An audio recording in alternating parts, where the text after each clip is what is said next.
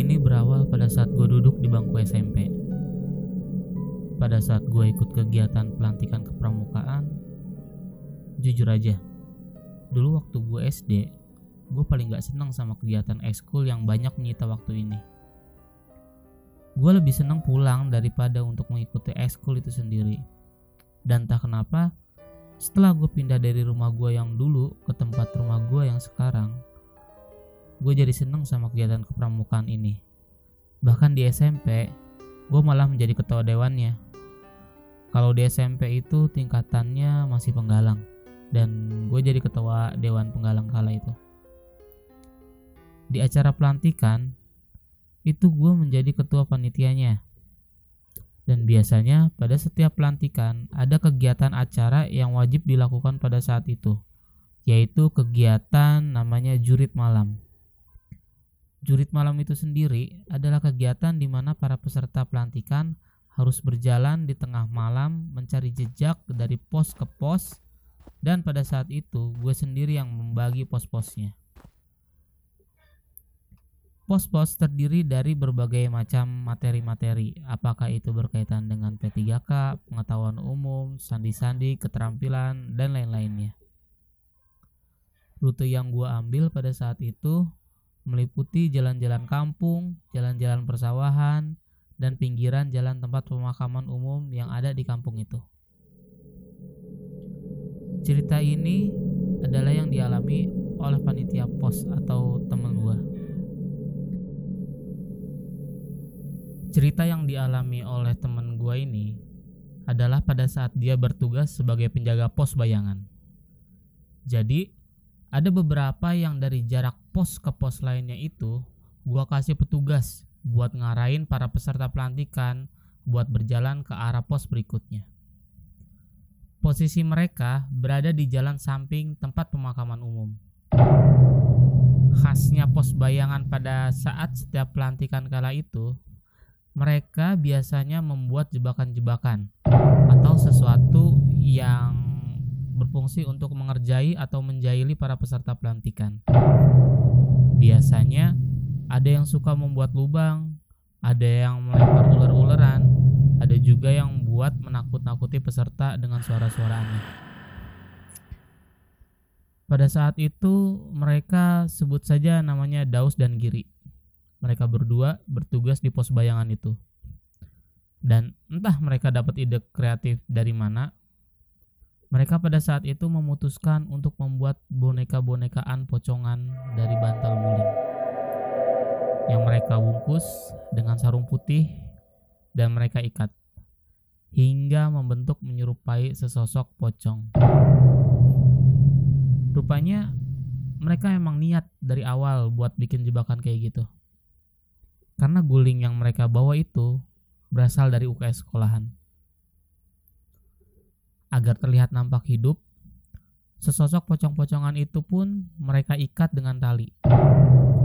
Lalu tali itu mereka sangkutkan ke batang pohon yang besar dan ujung talinya dipegang oleh mereka. Jadi, bila nanti ada peserta yang lewat, maka mereka tinggal memainkan pocong-pocongan tersebut dengan menarik dan mengulur tali tersebut dari balik semak-semak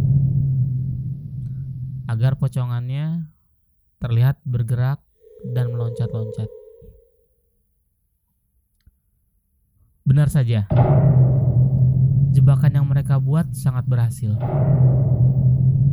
Banyak peserta yang kaget melihat sosok pocong-pocongan tersebut yang dibuat oleh si Daus dan si Giri. Mereka ada yang lari ketakutan, teriak histeris, shock, bahkan sampai ada peserta yang menangis di tempat.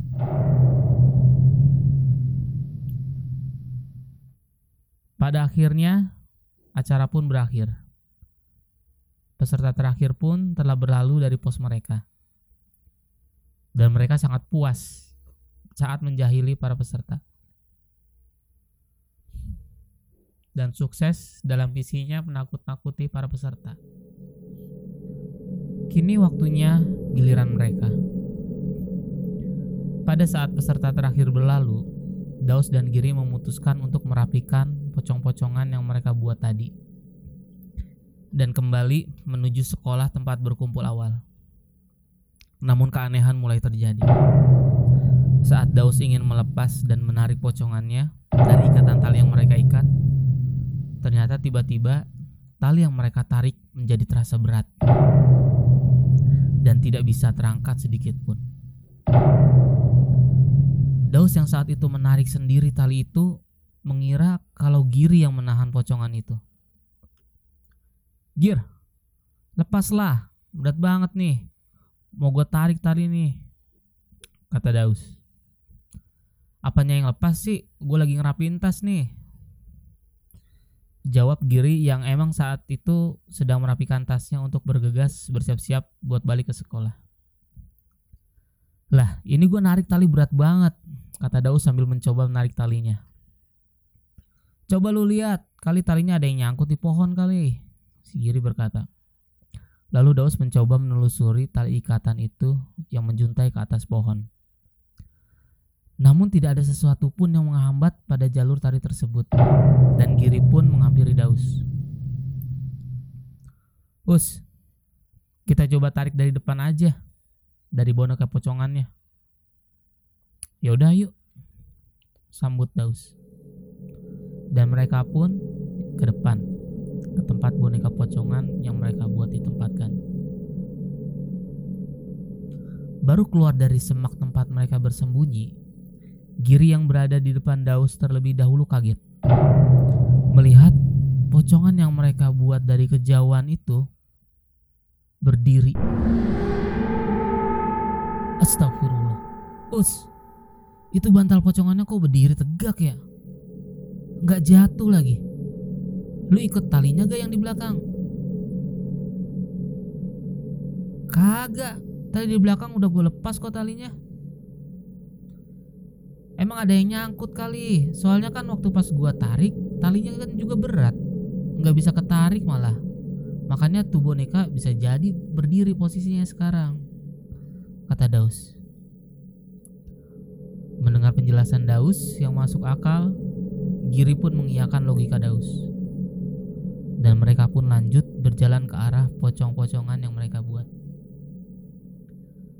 dengan penuh perasaan gak enak yang terus ada di benak mereka. Akhirnya mereka sampai juga di tempat boneka tersebut. Tanpa pikir panjang, Daus langsung melepaskan ikatan tali penarik pada bagian pocongan tersebut. Dan Giri melepaskan kain putih yang digunakan sebagai kain kafannya dari bawah bagian kaki. Pada saat Giri melepaskan kain pembungkus pocongan tersebut, tiba-tiba tercium bau anjir. Bau yang sangat menusuk hidung. Us, lu nyium bau gak? Bau apaan? Bau bet anjir. Ah, kagak. Hidung lu kali deket mulut, ejek Daus. Serius gua, Sampailah Giri melepas bagian tali leher dari boneka pocongan tersebut. Dan tiba-tiba saja, sontak dia terkejut dan terbelalak apa yang dia lihat percis dekat di depan matanya. Saat dia membuka kain pada bagian wajah boneka tersebut, tampak sesosok wajah yang hancur, hitam, yang dipenuhi nanah menatap Giri dengan sebagian matanya yang bolong. Giri pun berteriak kaget dan spontan kabur meninggalkan Daus yang sedang melepaskan ikatan tali pocongannya dari arah belakang boneka itu. Us, kabur us. Daus kaget melihat Giri tiba-tiba lari. Boy, ngapa lu? Belum kelar nih. Itu pocong us. Teriak kiri dari kejauhan sambil mengambil langkah kaki seribu. Namun hanya terdengar sayup di telinga Daus. Namun Daus pun menjadi merinding.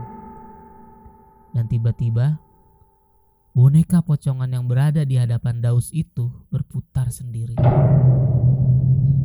Daus kaget. Boneka pocongan yang tadinya dia berada di posisi belakangnya, sekarang menghadap ke wajah Daus.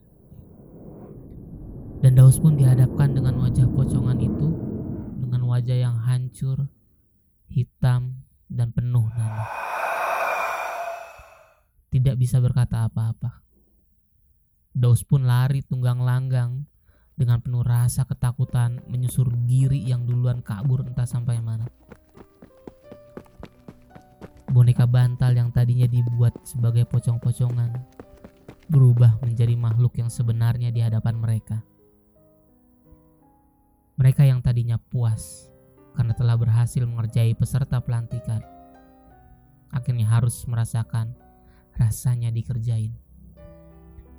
Bukan lagi dengan orang, melainkan dengan mainannya sendiri.